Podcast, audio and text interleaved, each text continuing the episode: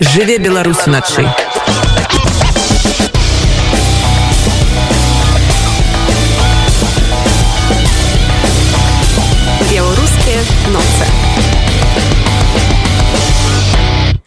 У вячэрнім эфіру радыё УНэт кіеўская студыя. Тут знаходжуся я ольга сямашка і падвозім мы асноўныя вынікі тыдня.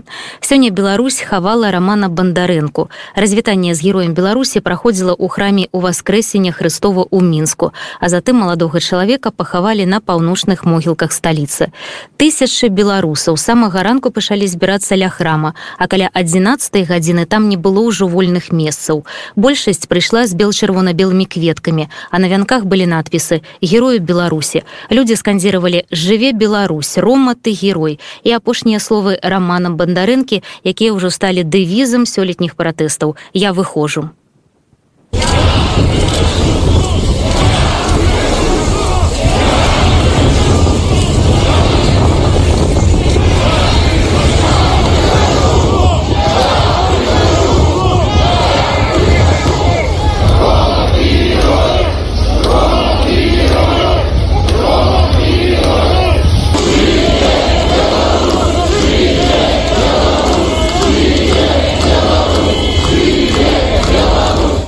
а пасля тысячи людзей стаялі паабапал дарогі па якой везлі труну з целам рамана спыняліся машыны і сігналілі аддаючы даніну павагі маладому чалавеку на пахаванні рамана прысутнічала і меншанка ольга яны прыехалі ўсёй сям'ёй разам з маленькім сынам Мы приехали к церкви к 11.30. На тот момент уже было очень много людей. Мы не смогли подойти близко и видели, как люди передавали цветы и венки тем, кто был ближе. Так по цепочке. Мы передавали корзину от нашего микрорайона «Шарики». Многие люди пришли с детьми разных возрастов. Там были и школьники, подростки, и младшие школьники, и дети в колясках, и даже младенцы. Мы сами пришли с полуторагодовалым сыном. Несмотря на сильный холод, было очень солнечно. И люди стояли, молча поднимали вверх букеты с цветами, скандировали «Живе Беларусь», «Не забудем», «Я выхожу». Когда вынесли гроб с телом Романа, все заплодировали. Кстати, с момента, когда мы приехали, машины сигналили не переставая, а к моменту выноса тела образовалась э, огромная пробка, и все машины без исключения сигналили. Э, мы видели вокруг людей, которые вели видеосъемку, они снимали и людей с цветами, и автомобили, которые издавали сигналы. Ну, когда гроб несли, очень многие плакали, обнимались. Мы встретили там очень много знакомых, актеров, режиссеров, музыкантов. Ну, когда машины с э, родственниками уехали, очень многие направились э, на северное кладбище пешком. Шла большая колонна людей, все были с поднятыми руками, и машины их приветствовали. Сегодня вечером мы планируем с нашими соседями устроить небольшую акцию памяти Романа Бондаренко, расставить вдоль проспекта свечи, поприветствовать водителей. Кроме того, планируем обновить местный наш мемориал памяти убитого, который сегодня, к сожалению, нашими коммунальщиками был уничтожен. Мне сённяшнія кадры з пахавання рамана нагадалі развітанне з александром тарайкоўскім. Гэта першая ахвяра мірных пратэстаў. Александра хавалі 15 жніўня і тады десяткі тысяч людзей стаялі ў жывым ланцугу уздоўж праспекта пушкіна ў сталіцы дзе якраз і забілі александра і такая была своеасаблівая атмасфера з аднаго боку смутку жалобы а з іншага такі вось першы подых перамогі. Справа ў тым што гэта былі першыя дні пасля трохдзённага тэрору 9 10 і 11 жніўня улады тады думалі што як заўсёды масавае выступленне беларусаў можна падавіць сілай зброі і рэпрэсіямі. Тры дні ішлі баі з беларусамі на вуліцах гараду. Катаванні ў аддзяленнях міліцыі і на акрэсціна. Ніхто ні пра што не ведаў таму што адключылі інтэрнэт. І калі нарэшце сведкі катаванняў пачалі выходзіць а ў сеціве з'явіліся фота і відэа таго як амапаўцы страляюць па мірных грамадзянах як супрацоўнікі даі сцягваюць з матацыклаў жорстка збіваюць байкераў як салдаты унутраных войскаў кідаюць святлошумавыя гарматы прама ў аўтобусы улады тады адступілі. І здавалася што катаванне больш не паўторацца але прайшло некалькі месяцаў і 11 лістапада ў двары ўласнага дома быў збіты да смерці роман бандарэнка збіты за бел чырвона-белыя стужачкі якія жыхары яго двара павесілі на плот а невядомыя паспрабавалі іх зняць. Смерць романа выклікала хвару хвалю абурэння ў беларускім грамадстве а ўлады цэлы тыдзень справалі выйсці з гэтай сітуацыі бо з'явіліся пацверджанні што да збіцця романа маюць дачынення людзі блізкія да александра лукашэнкі гэта старшыня федэрацыі хакея беларусі дмітрий баскаў і яго сябра беларускі спартсмен дмітрий шакутам праваахоўныя органы і сам лукашенко рассказывалі людзям што роман быў не цвярозы але медыцынскія документы якія сталі доступныя журналістам сведчаць пра адваротнае сілавікі не сталі гэтыя документы абвяргаць а просто просто арыштавалі і медыка больніцы хуткай дапамогі якім прадаставіў дакументы і журналіста портала тутбай кацярыну барысевіш якая пісала артыкул пра тое што роман у больніцу ўсё ж таки паступіў цвярозы па ацэнцы генеральнай прокуратуры была парушана медыцынская таямніца а дзенні і журналіста і медыка пацягнулі за сабой цяжкія наступствы. А якія менавіта павышэнне напружанасці ў грамадстве стварэння атмасферу недаверы да кампетэнтных дзяржорганаў і падахвочвання грамадзян да агрэсіі пры гэтым алена бандарынка маці загінулага рамана у той жа дзень перадала журналістам копію лабараторнага аналізу крыві яе сына. У дакуменце відаць што этылавага спірту ў крыві рамана бандарынкі няма. У адпаведнай графе напісаны нуль але надала дазвол на публікацыю дакумента У нейкае цемрашальства ўвогуле ператварылася барацьба з народнымі мемарыяламі раману бандарынку і іншым беларусам якія загінулі ў апошнія месяцы. Да месца гібелі рамана ў двары перамен людзі адразу пачалі несці кветкі свежкі стыхійныя месцы памяці ўзнікалі ў дварах гарадах і краінах. У сапраўдную спецаперацыю ператварылася знішчэнне мемарыяла раману ў двары перамен у мінулую нядзелю. Здаецца байцоў амапу там было больш чым жыхароў. Ахоўнікаў мемарыялу практычна ўсех забралі ў міліцыю а камунальнікі які вывезлі усе кветкі за межы мінска. І такая сітуацыя дарэчы не толькі ў беларусі. Стыхійныя народныя мемарыялы ўзнікалі ля беларускіх дыпламатычных місій за мяжой. Здаецца што кіраўніком дып місій было дарушана як мага хутчэй пазбаўляцца усялякіх згадак пра тое што адбываецца ў беларусі і месца памяці хуценька прыбралі. Але беларусы якія жывуць у лондоне да прыкладу не пакінулі гэта без увагі і звярнуліся ў паліцыю. Сам мемарыял аднавілі і зараз якраз паліцыя паліцэйскія за ім і сушаць. Беларуская амбасада ў Кеве таксама працягвае супрацьстаянне з грамадскімі актывістамі, якія ушанавалі памяць рамана бандарынкі і ўсіх беларусаў, загінуўшых у апошнія месяцы. Насупраць дыпламатычнай місіі арганізаваны народны мемарыял. Там фотаздымкі рамана, кветкі, лампадкі, свежкі. З'явілася гэта месца народнай памяці ў мінулы чацвер, калі стала вядома пра смерць рамана. Але за ноч кветкі і свежкі прыбралі. Актывісты мемарыяла аднавілі і з таго часу часу нясуць там кругласутачную варту. Про гэта расказаў у нашым эфіры яўгену казакевішу грамадскі актывіст Сергей лук'янаў 13 числа пасля того як знік народны мемарыял усе неравнодушныя людзі падышлі до посольства было шмат людзей была насавана акцыя. То мы стасаваліся все былі вельмі ўзрушаны гэтай падзеі смерцю романа таксама у той чацверха быў затрыманы мікола дзядок актывіст анархіст. Мы усе вельмі пераживаем за яго лёс. Мы усе падышлі до посольства стаялі з кветкамі з лампадамі. І калі даведаліся про тое что у ночы знік народны мембрэл то дамовіліся што будзем ахоўваць варту прынялі актывісты беларускага дома в украіне на сваіх ресурсах у тэлеграм-канале пачалі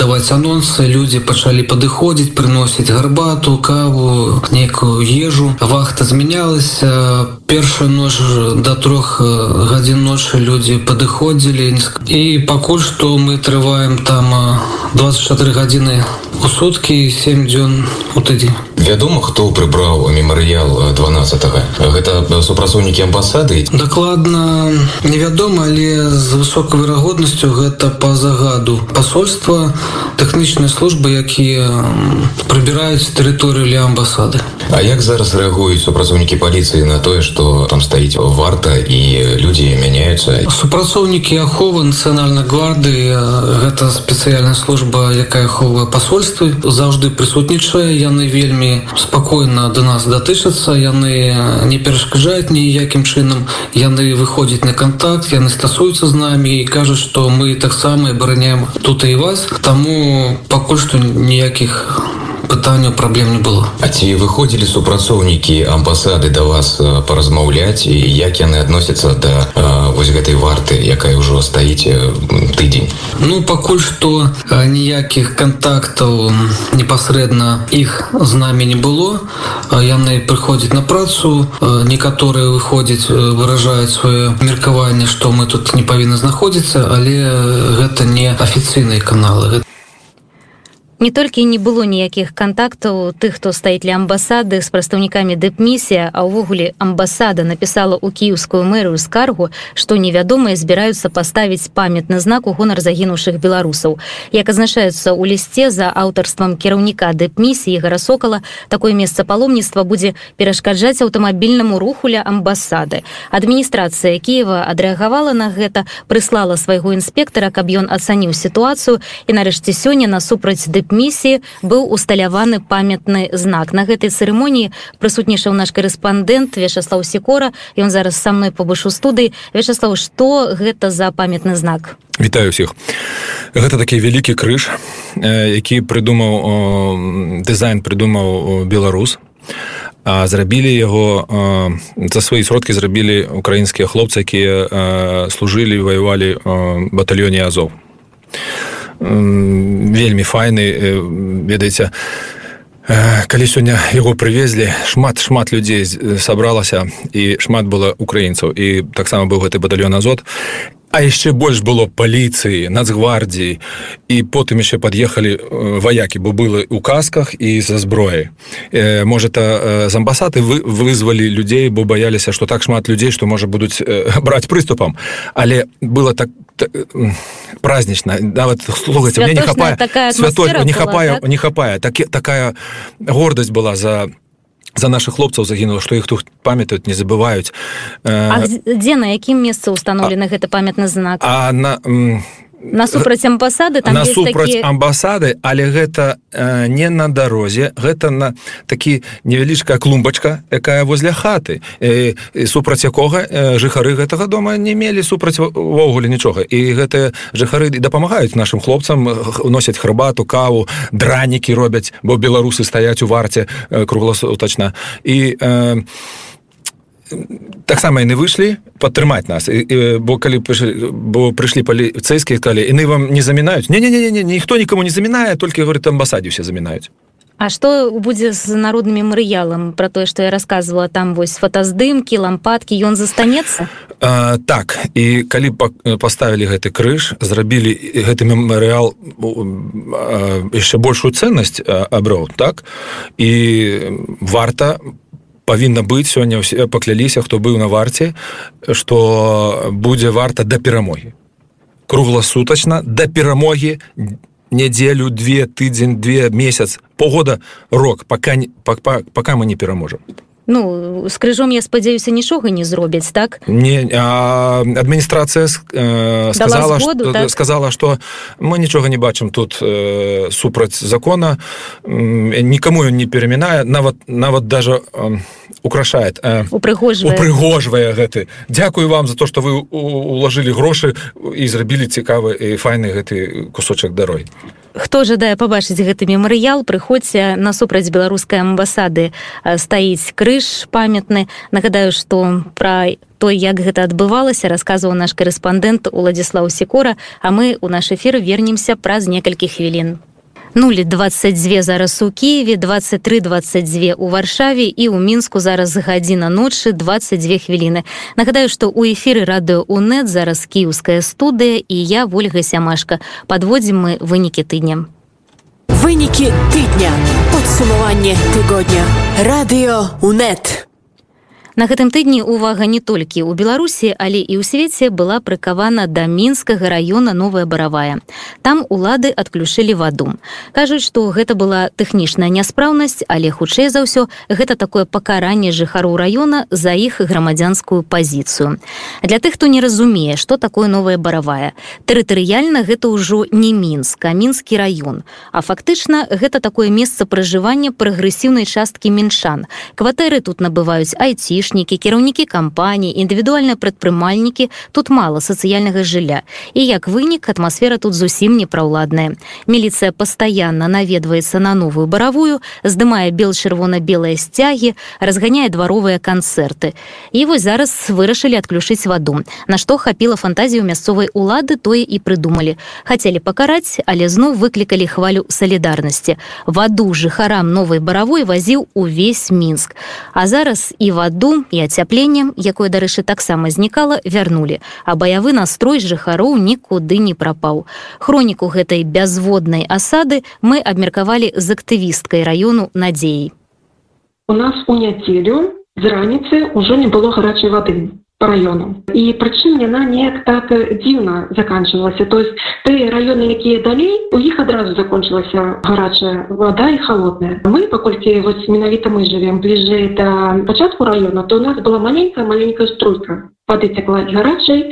і холоднай так было всю нядзелю на наступны дзень панядзелак пропала ўжо і уся вода. Нават і у нас. Увечары у нядзелю намеснік нашага таварыства ён сказаў что прычына ў тым что як быццам бы водоканал бярэ пробы воды. Гэта нам адразу показалось не юным тому что ну, з чаго бы гэта браць пробу воды як бы вода у нас была до гэтага нормальная. І плюс до таго у пачатку нашага района поставілі бачабе туалеты біотуалет документы у панядзелак ужо наше таварыства пачало разбірацца з гэтым момантам вадой і яны знайшлі прычыну як быццам бы венты яго нехта скруціў і несколько даказал ужо павінен быў з гэтай праблемы разбіраць мы чакалі панядзелак так вода не з'явілася аўторак вода не з'явілася і судзячы па ўсім вырашылі што не просто так вода у нас знікла судзячы по тым что нават мы поставілі нам бачабы туалеты мне здаецца уже нават ні у каго не было сумнением у тым что да что гэта была помста за за нашу такую грамадзянскую позицию.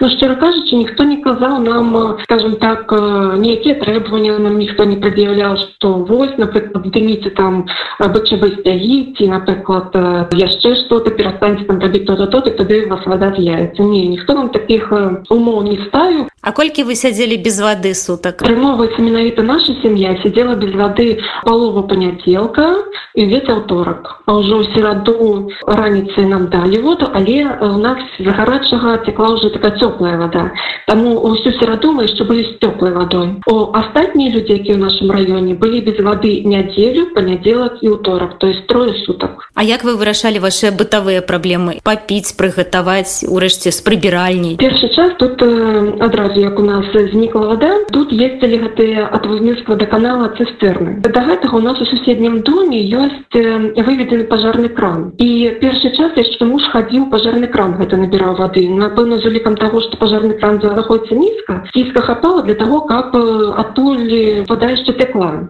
але ўжо к вечару панядзелка і там вода пропала. Таму муж хадзіў на праводу у цыстэрнаў есці у панядзелак калі ўжо усе далі даведаліся што у нас няма вады з усіх бакоў нам людзі вось просто незнаёмыя людзі пачалі прывазіць воду такое ўражанне што гэтых бутэлей з вадой вось і з тэхнічнай і з пітной вадой было паўсюль я напрыклад вось нават гляжу в окно подъезжае машина открывае мужчына багажнік так і пачынаем на сканеку выгружаць пітную воду а я не скажу что нам вады не хапала хапала мне і дзіцё памыць і посуд памыць пасля вады у вас яшчэ адключылі адцяплення оно вось вельмі дзіўная была э, ситуация з ацяпленнем насамрэч менавіта ў нашай кватары цяплення не пропадала але у нашем таварыстве была такая інфармацыя что нейкая поломка была на нашай кацельні і на нейкі час у некаторых домах апленне пропала. Але літаральна колькі гадзіна дзве і яна зноў з'явілася раён новая баравая находзіцца под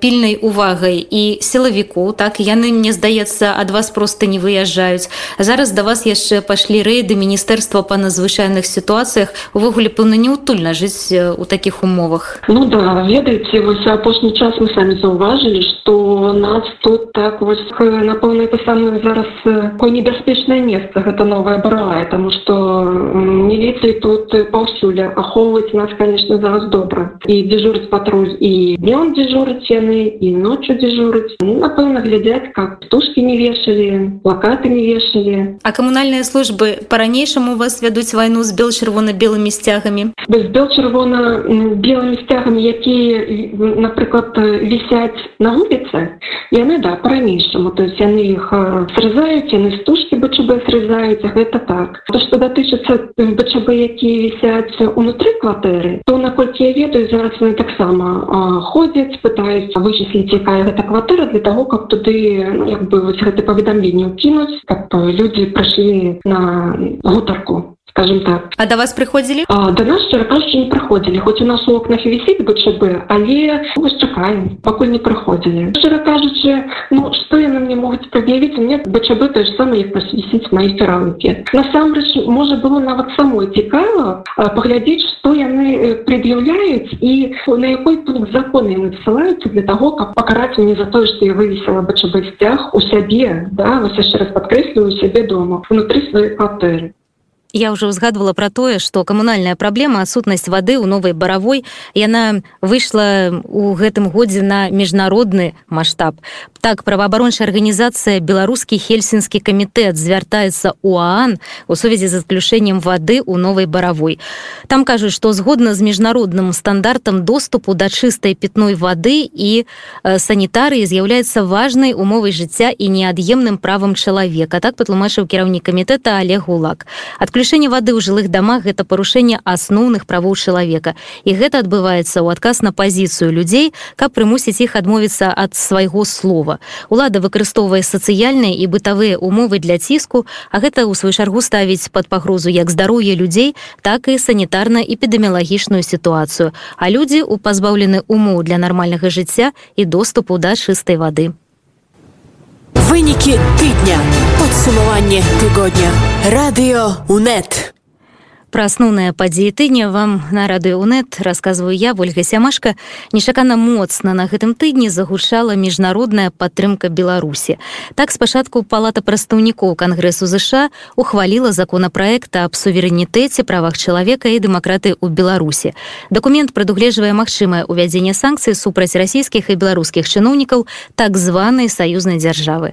Прэзідэнт ЗША можа ўвесці візавыя санкцыі супраць любога замежніка які з'яўляецца членам цэнтральнай цэнтральнай выбарчай камісіі беларусі ці удзельнічаў у маніпуляцыях на выбарах у адносінах да урадавай асобы адказнай за пераслед незалежных сМ парушэння правоў чалавека і рэпрэсіі кангрэсмены заклікаюць да правядзення новых прэзідэнцкіх і парламенцкіх выбараў у свабоднай і справядлівай форме у адпаведнасці са стандартамі абСе а таксама заклікаюць вызваліць без папярэдніх умоў усіх палітычных зняволеных праз 90 дзён пасля прыняцця дакумента будзе апублікаваны спіс маёмасці лукашэнкі кіраўнікі знешнепалітычных ведомстваў краін еўрапейскага саюза дамовіліся аб распрацоўцы чарговага пакета абмежавальных мер па беларусі. Па словах кіраўніка еўрапейскай дыпламаты жазепа барэля новы пакет санкцый акажа негатыўны ўплыў на эканамічнае развіццё беларусі. Краіны сябры ес уносяць свае прапановы па тых ці іншых кампаніях у гэты санкцыйны спіс. Але пры гэтым яны павінны прадаставіць доказы каб абгрунтаваць свае прапановы. Барэль адзначыў што сёння у санкцыі санкцыйным спісе па беларусі ўжо каля 50 чалавек і ў нейкі момант просто стане складана знаходзіць менавіта фізічных асоб супраць якіх можна абгрунтавана ўвесці абмежавальныя меры. а А вось літва Латвія Эстонія яны пашырылі уласныя санкцыі ў дачыненні да службовых асоб Беларусі і ўнеслі ў чорны спіс міністраў інфармацыі і спорту, а таксама супрацоўнікаў міліцыі. Кіраўнік міністэрства замежных спраў літвы Ліна Слінкевічу спаведаміў у чорны спіс дадалі яшчэ 28 прозвішчаў для захавання ціску на рэжым Александра Лукашэнкі. У спісе ёсць міністры інфармацыі і спорту, першы адказны за абмежаванне інтэрнэту, а другі адказвае за пераслед спартсменаў. Па словах кіраўніка свабоднага тэатра мікалая халезіна такі інструмент як санкцыі ў дачыненні да лукашэнкі працуе. І гэта даказана практычна. Праўда у гэтым годзе працэс ідзе павольна Когда мы говорим про э, санкции, мы должны как бы опираться на тот опыт, который у нас был в 2006 году, в 2011. То, что происходит сейчас, это наше категорическое запаздывание по динамике. И именно это позволяет поддерживать все время дискуссию, что санкции нет, санкции ни, ни на что не влияют. Санкции в 2011 году повлияли за счет того, что они были введены своевременно. Как только работает это в хорошей динамике, динамике это работает. Если динамика растягивается, это не работает. Тогда были процессы, которые даже были сложнее, чем сейчас. Потому что сейчас все очевидно, что у власти сумасшедший, что э, с ним э, эти все бандиты. Ситуация вестерна, да, хорошие парни, плохие парни. Но тогда была ситуация, например, если мы сейчас вообще не занимались евробондами, то тогда Алан Флауэрс не даст соврать, он там э, сыграл отличную роль, когда мы разговаривали с Royal Bank of Scotland. И когда Алан сказал, знаете, знаете что? Сидят два человека, банкира, которые реально абсолютно такие спокойные, адекватные финансисты с абсолютно такими покер-фейс. И они сидят и, и объясняем там, Наташа объясняет, Алан объясняет, что, ребята, вы эти деньги идут на поддержку э, репрессивной машины. И это слушают, Алан Флауэрс говорит, Завтра, если вы не э, прекращаете торговлю евробондами, то я начинаю кампанию в своем э, Эдинбургском университете по тому, чтобы в вашем банке закрывали счета наши студенты. Как итог, два человека встают э, и говорят, вы что же думаете, мы не люди? Мы закрываем лавочку. И они закрыли финансирование. А тогда же нужно было перекрыть еще и БНП Париба, и еще нужно было перекрыть Deutsche Bank. Deutsche Bank, слава богу, помогла Ангела Меркель, а Париба увидели, как где обстоят дела, и сами вышли из процесса. А в это же время, допустим, мы консультировали одновременно Хиллари Клинтон команду в Госдепартаменте и команду вице-президента Джозефа Байдена. Когда мы положили на стол э, Хиллари наши, наши предложения, приняты все пункты и были приняты сразу. И сразу же начался разговор не с позиции «освободите политзаключенных» или «мы введем санкции», а если вы освободите политзаключенных, то мы рассмотрим вариант отмены санкций. Поэтому э, и скорость была совсем другая. Сейчас у нас ситуация, когда мы к этому моменту мы должны были принять уже третий раунд санкций. Первым все удалось сделать, потому что, опять-таки, очень сильно помогли немцы. Внезапно поддержал Госдепартамент, который вообще не планировал ничего делать по Беларуси. Внезапно Доминик Раб Траб э, включился, потому что понял, что на этой позиции он может обойти ЕС. Первый раунд прошел э, удачно, хотя и говорят, там мало фамилий, это да все равно. Там, если даже три фамилии было, этого достаточно, потому что старт дан, а дальше уже рабочие моменты, потому что никто там не будет никакой Кипр упираться за то, что там внесут э, каких-то ментов или не внесут. Им эти фамилии все равно. Но они э, начали сейчас нам постоянно э, одно и то же. Evidence, evidence, evidence evidence, evidence, типа надо еще больше, еще шире. Как может быть больше evidence, если судья уже дал политически мотивированные приговоры? А мы к этому моменту должны были уже принять по кошелькам. Лежит весь доклад по кошелькам с указанием в компании, с указанием фамилий, со всеми evidence. Там нет э, претензий к evidence. Там вопрос в другом, что нет, вот мы сначала по персонам примем, а потом по этим. А, а до момента там, секторальных санкций вообще теперь э, как до Луны. То есть нам нужно еще эти два тура пройти. При этом все лоббисты работают, удалось заручиться поддержкой не кого-нибудь, а Бареля, который сам говорит, что почему мы так мягко идем по отношению к Беларуси. Таксама жаза барэль сказаў што не толькі мякка ідуць па у адносінах да беларусі але трэба зрабіць так каб ніводзін еўра падтрымкі не пайшоў рэжыму лукашенко а быў накіраваны на грамадскую супольнасць беларусі.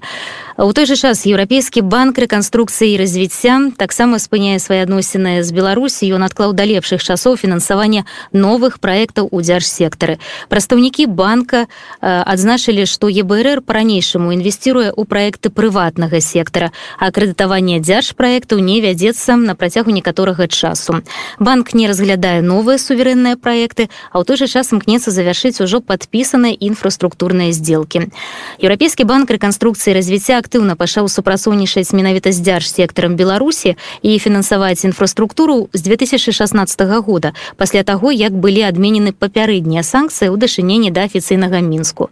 У выніку летась банк уклаў рэкорднае 390 490 мільёнаў еўра у 24 праекты ну а самым буйным стаў праект па рэканструкцыі мастоў санкцыі палітыку захаду ў дачыненні да беларусі мы абмеркавалі су старшынёй руху салідарнасці разам аленай толстой калі размаўляць сур'ёзна на жаль захад ніколі стратэгічна адэкватна не рэагаваў на сітуацыю беларусі. На жаль усе 24 гады калі ў беларусі адсутнічалі выборы захад вельмі как бы так лагодна памяркоўна на гэта все глядзеў. Яго задавальняла тое что беларусі как бы ціха спакойна. І вось гэтае неразуменне того что сітуацыя з адсутнасцю правоў і свабоду у беларусі у выніку будзе мець сваё уздзеянне на захад мусіць тады достаточно дастаткова не разумелася на захадзе і э, я думаю что і сёння не до конца на захадзе разумеюць что людзі ў беларусі бароняць не толькі свае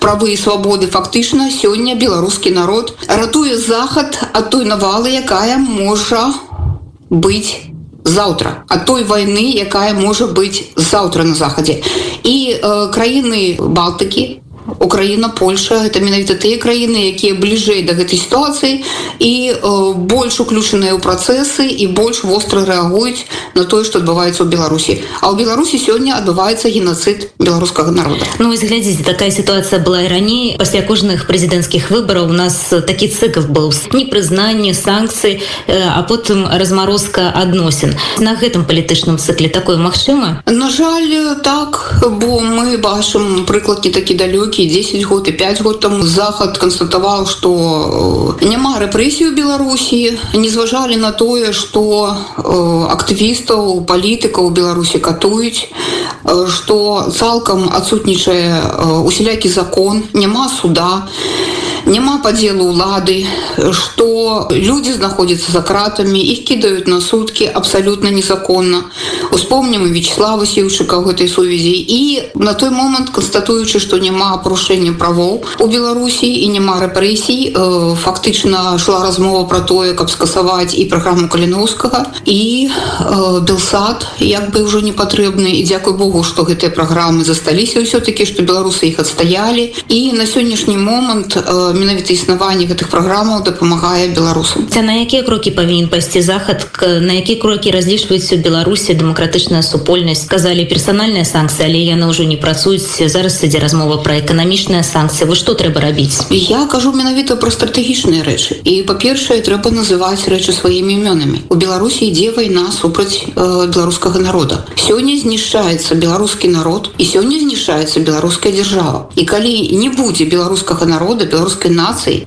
мы бачым што менавіта геноцид адбываецца. І па моўным прыкмеце. Ідзе разбурэнне ўсіх інстытутаў. Студэнцтва это адукацыя это медицина. Фактычна не засталося ні адной вобласці ідзе разбурэнне эканомікі сёння калі насамрэч не будзе стратэгічна правільных крокаў калі не будзе названа крыніца того что адбываецца то не будзе і правільных крокаў на жаль захад у папярэднія гады лічыў лукашэнку абаронцам незалежнасці беларусі і он лічыў что лукашенко нейкім чынам супрацьстаіць путину і з гэтага заходзячы і не было адэкватных мераў на жаль і сёння мы бачым тое самае і не будзе сказана что менавіта лукашенко усе гэтыя 26 год праводзіў імперскую палітыку россию дачынення да беларусі калі мы не будемм казаць что менавіта санкцыі супраць россии і супраць путина это адзінае что нас уратуе мы не вырвемся з гэтай яміны.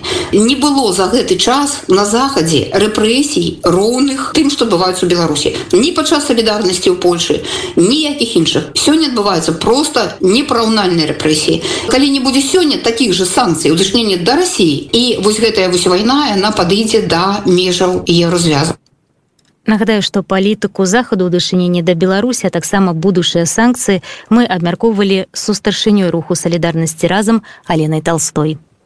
Вынікі тыдня, падсумаванне тыгодня. Радыё УНэт. 0 гадзін 48 хвілін зараз у Киеве гадзіна ночы 48 хвілін у мінску і 2348 у варшаве. Нагадаю у эфиры радыо унет зараз кіевская студыя і я ольга сямашка подводзім разам вынікі тыдня.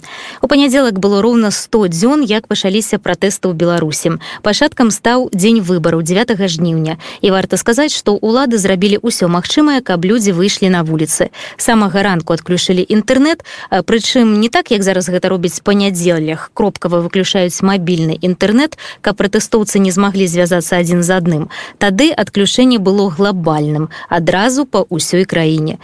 І лагічна што такі у такім інфармацыйным вакууме людзі пачалі выходзіць на вуліцы а каб атрымаць хоць якую інфармацыю. Яны пацягнуліся да сваіх выбаршых участкаў каб паглядзець выніковыя пратаколы і хоць элементарна зразумець на які ж вынік можна разлічваць. Участкі закрываліся а восьмай а 10 ўжо ўсе разлічвалі ўбачыць выніковыя пратаколы. Але іх не было не 10 не а поўначы. І вось я да прыкладу на сваім выбарчым участку і да гэтага часу не ведаю афіцыйныя лічбы галасавання. Нам іх просто не показалі а выбарчую камісію выводзілі под аховай амона каб не здарылася ўсежкі інфармацыі. Пасля гэтыя кропкавыя акцыі перараслі ў маштабнае нядзельнае шэсце таксама у маршы пенсіянераў ланцугі салідарнасці медыкаў студэнтаў дэмаршы жанчыны шэсці студэнтаў. У гэтую нядзелю чакаецца чарговы марш які так і называется за Беларусь михал патоцкі журналіст які спецыялізуецца на беларусі кажа галоўнае што адбылося за гэтыя 100 дзён гэта змена разумення сітуацыі самімі беларусамі. У лукашэнкі ўжо больш няма падтрымкі большасці грамадзян краіны але да краху рэжыму ўсё ж такі прывядуць хутчэй не народныя пратэсты а номенклатурны пераварот перш за ўсё я б сказаў что галоўнае что адбылося гэта змена перцэпцыі ці ці змена разумення сітуацыі самымі беларусамі. Нашмат больш беларусаў ужо знае что не можа цярпець лукашенко что яны не падтрымуюць лукашенко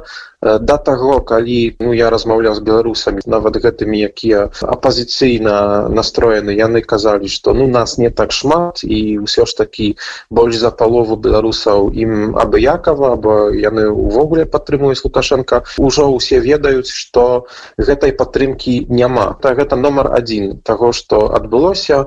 Ну іншых пераменаў пакуль няма але я думаю что ўсё ж такі гэта пачатак агоніі уладу лукашенко тому что ўжо ён не можа павяртацца ў той час калі у няго бу такая дыктатарская стабільнасць 10 там 2015 ці 16 году гэтага ўжо не будзе і для ўлады і для супольнасці для беларусаў і для партнераў беларусі у іншых дзяржавах гэта ўжо адбылося А як вы лічыце ці магчымыя зараз перамовы паміж лукашэнкам і да прыкладу ціхановскай я не думаю пакуль што не. Я думаю что лукашенко ментальна не готовы да перамоваў з рэальнымі апанентамі.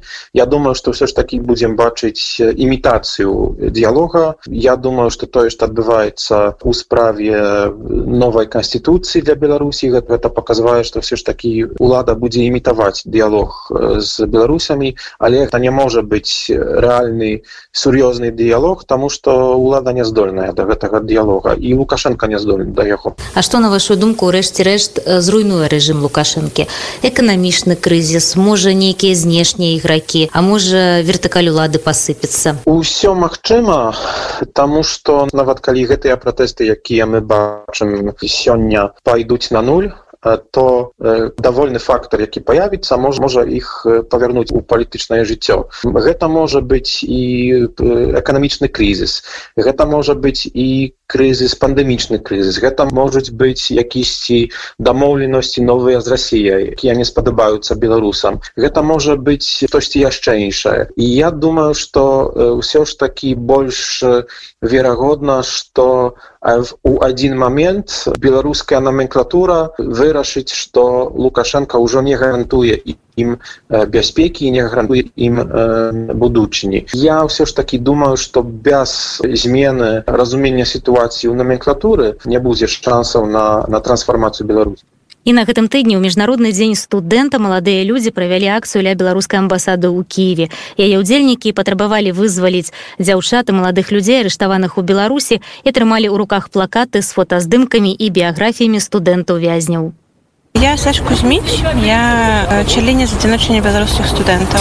І сёння выладзіце акцыю ля амбасады беларускай так? так. Ну гэта звычайная акцыя салідарнасці. Мы сустракаемся тут з тымі студэнтамі, студэнткамі, якія вымушаныя былі пераехаць у Кіев для таго, каб падтрымаць тых, хто зараз за кратамі КДБ, ну і ўсіх студэнтаў, студэнтак, якіх каснуліся несправядлівыя дзеянні. Сёння міжнародны дзень студэнта, ён пачынаўся таксама як акцыя салідарнасці з забітым мы тут працягваем студэнцкія традыцыі на жаль вось таким сумным ключе я бачу што вы плакаты раздрукавалі так?